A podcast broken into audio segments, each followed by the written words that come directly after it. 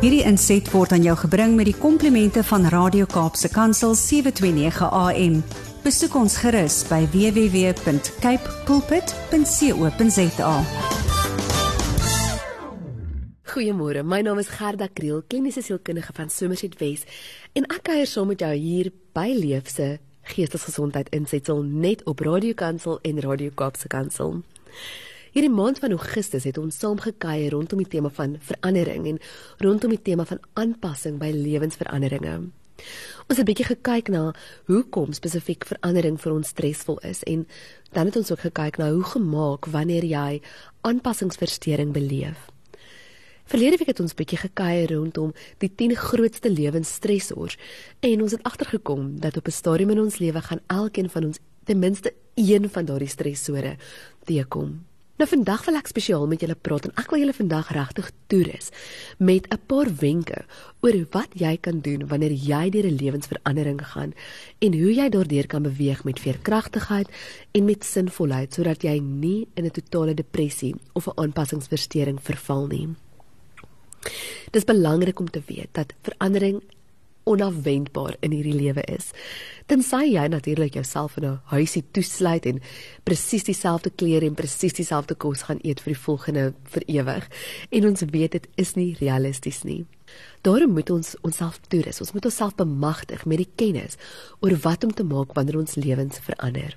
Nou die afgelope paar jaar het ons as 'n wêreld soveel veranderinge teëgekom waaroor ons geen beheer gehad het nie. Ons het deur 'n globale pandemie, daar was finansiële krisis, daar het 'n oorlog uitgebreek in die Oekraïne. In Suid-Afrika was daar reëls en regulasies wat gemaak het dat ons vryheid tot 'n groot mate ingeperk is. En al hierdie veranderinge het daartoe gelei dat mense meer as ooit 'n ongeëwenaarde ervaring van geestesprobleme beleef het.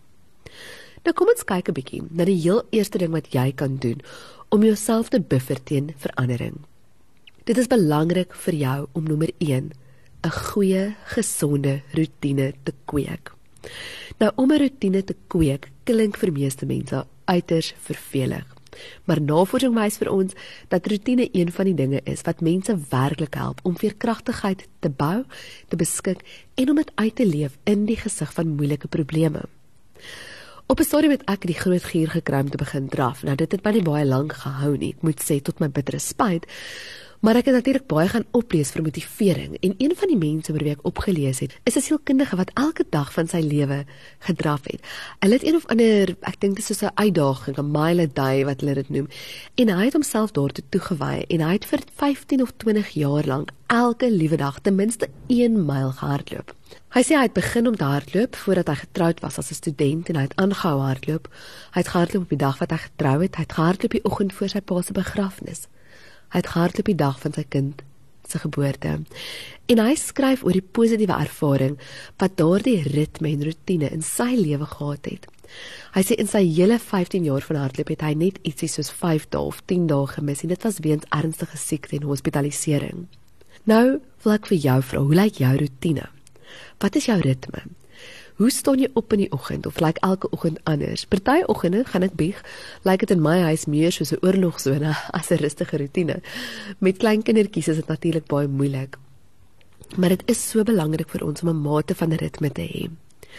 Wanneer die wêreld omvergegooi word, wanneer daar dan verandering plaasvind, val jy vas in jou rotine. Jou rotine word as werklikheid, amper soos die veiligheidshekkies wat jou veilig hou sodat jou wêreld nie heeltemal kantel nie.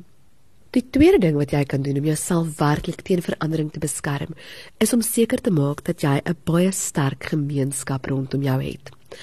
Nou, dames en here, gemeenskap gebeur nie per ongeluk nie. Jy gaan nie instap in 'n plek en skielik 'n klomp vriende en ondersteuning hê nie. Nee, jy moet daarvoor werk. Jy moet opdaag as jy wil hê mense moet vir jou opdaag. Dit is belangrik vir jou om ook uit te reik na ander mense en goed te doen waar jy kan wat vir iemand wat swaar kry 'n bord kos, iemand wat siek is miskien of iemand afgestorf het, 'n geliefde verloor het. As jy uitreik na ander, sal jy ervaar dat in tye van verandering in jou lewe gaan mense uitreik na jou toe. En wanneer jy deur verandering gaan, het jy daardie verhoudings waarvoor jy kan sê dit gaan nie goed nie, kan ek net met jou 'n koppie tee drink, kan ek net 'n bietjie met jou praat. Verhouding is een van die mees belangrike dinge. Inteendeel, daar is 'n studie wat gedoen is, die A Life Happiness Study. Dit is een van die grootste studies wat gedoen is oor duisende mense. En oor 'n tydperk van 70 jaar is mense gevolg en elke een van hulle se heel belangrikste faktor vir 'n lang en gelukkige lewe is gemeenskap, vriende en familie rondom hulle. Die derde ding wat jy kan doen om jouself deur moeilike tye te help anker, deur verandering te anker, is om jou waardes vooraf baie goed te ken. As jy weet wat jou waardes is, dan sal verandering in die ontwrigting wat dit plaasvind jou nie skielik teen jou waardes laat optree nie. Ek self praat baie van waarde in kongruensie en dit is wanneer ons waardes het, maar ons tree op of ons doen iets wat eintlik loodreg staan teen ons waardes. Jou waardes is ietsie wat jy kan kies en wat jy kan uitbou en wat jy kan aanwerk. En wanneer jy optree in 'n manier wat werklik waar kongruent is met jou waardes, kan die lewens se storms maar kom jy sal soos 'n bootjie wees wat geanker is in 'n veilige hawe. Niks kan jou onderkry nie, want jy gaan jou besluite rig op ietsie wat langer durig is as wat die stresor is wat jy op daardie oomblik aanskou. Die vierde ding wat jy kan doen om jou verandering makliker te maak, is om seker te maak dat jou fisieke gesondheid intak bly. Ons kan nie ons fisieke gesondheid afskeep ten koste van enigiets anders nie. Oefen, beweeg. Jy hoef nie baie te beweeg nie. 20 minute per dag is eintlik genoeg om jou hele brein 'n nuwe kans op die lewe te gee.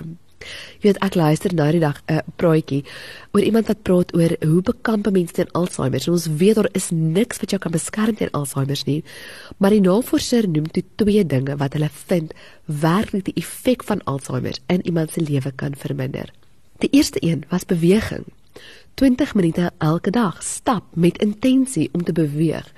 En dis nie te praat van jy beweeg elke dag vir 'n uur of twee terwyl jy die huis skoon maak nie. Nee. Dis beweeg met die intensie om net te beweeg. Oefen, strek jou lyf, kom vorentoe, doen ietsie. Maar die tweede ding wat belangrik is om te help om jou brein teen Alzheimer te beskerm, is om nuwe dinge te leer. 'n Nuwe stokperdjie te beoefen, instrumente speel, miskien iets wat jy nog nooit gedoen het nie, skielik te beoefen, naaldwerk of kuns of viool of selfs om om te oefen en jy leer 'n nuwe danspassie.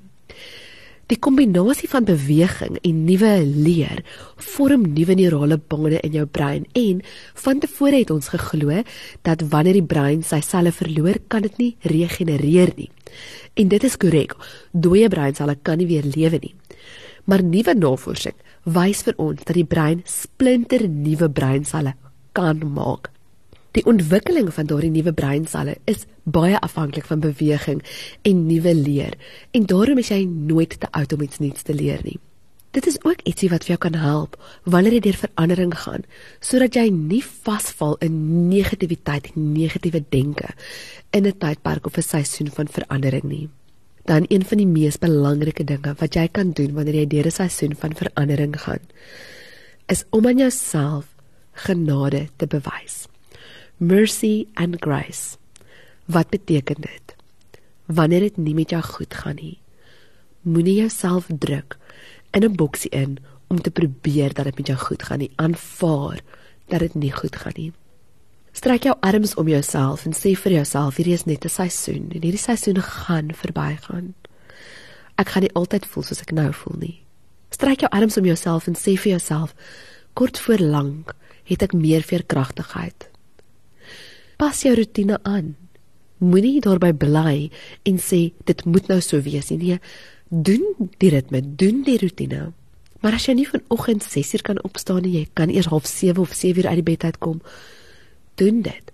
En sê vir jouself, dis oukei, vir vandag lyk dit so. Môre lyk dit weer 'n bietjie anders. Laat jouself toe om te voel al die emosies, die hartseer, die teleurstelling, die woede, Jy is net 'n mens en die Here het ons gemaak met hierdie pragtige emosies wat as eintlik as boodskappertjies optree in ons lewe. Moenie jou emosies afskiet of tekort skiet of moenie na enigiemand luister wat vir jou sê jy behoort so of so of so te voel nie. Onthou baie mense gaan in 'n seisoen van verandering vir jou raad en advies gee. Maar jy kan kies waarna jy luister. Alle raad en alle advies is nie vir jou nie. Hoef nie vir jou te wees nie. Geliefdes, mag julle werklik hierdie wenke neerskryf, toepas, gaan luister daarna weer op die pot gooi as jy later weer wil. Maar weet net dat verandering onverwendbaar is, maar dat jy daardeur kan kom. Die Here se genade is groot. Sy liefde is groot. En as sy liefde vir ons so groot is, mag ons liefde vir onsself ook in meetbaarheid so groot wees dat ons met onsself kan sag omgaan wanneer ons deur verandering gaan. Ons kuier weer volgende week in die ateljee. Ek sien uit om volgende week weer saam met julle te kuier. Stuur gerus vir my of vir ander e-posse oor hierdie onderwerp. As jy 'n vraag het, moenie huiwer om uit te reik nie. Ons wil graag julle vrae hoor en beantwoord. Mag jy 'n geseënde week hê en mag jy regtig ervaar dat as jy in 'n seisoen van verandering is, jy ook die mag het en die krag van die Here het om daardeur te kom. Ons kuier volgende week weer saam. Totsiens. Hierdie inset was aan jou gebring met die komplimente van Radio Kaapse Kansel 729 AM. Besoek ons gerus by www.cape pulpit.co.za.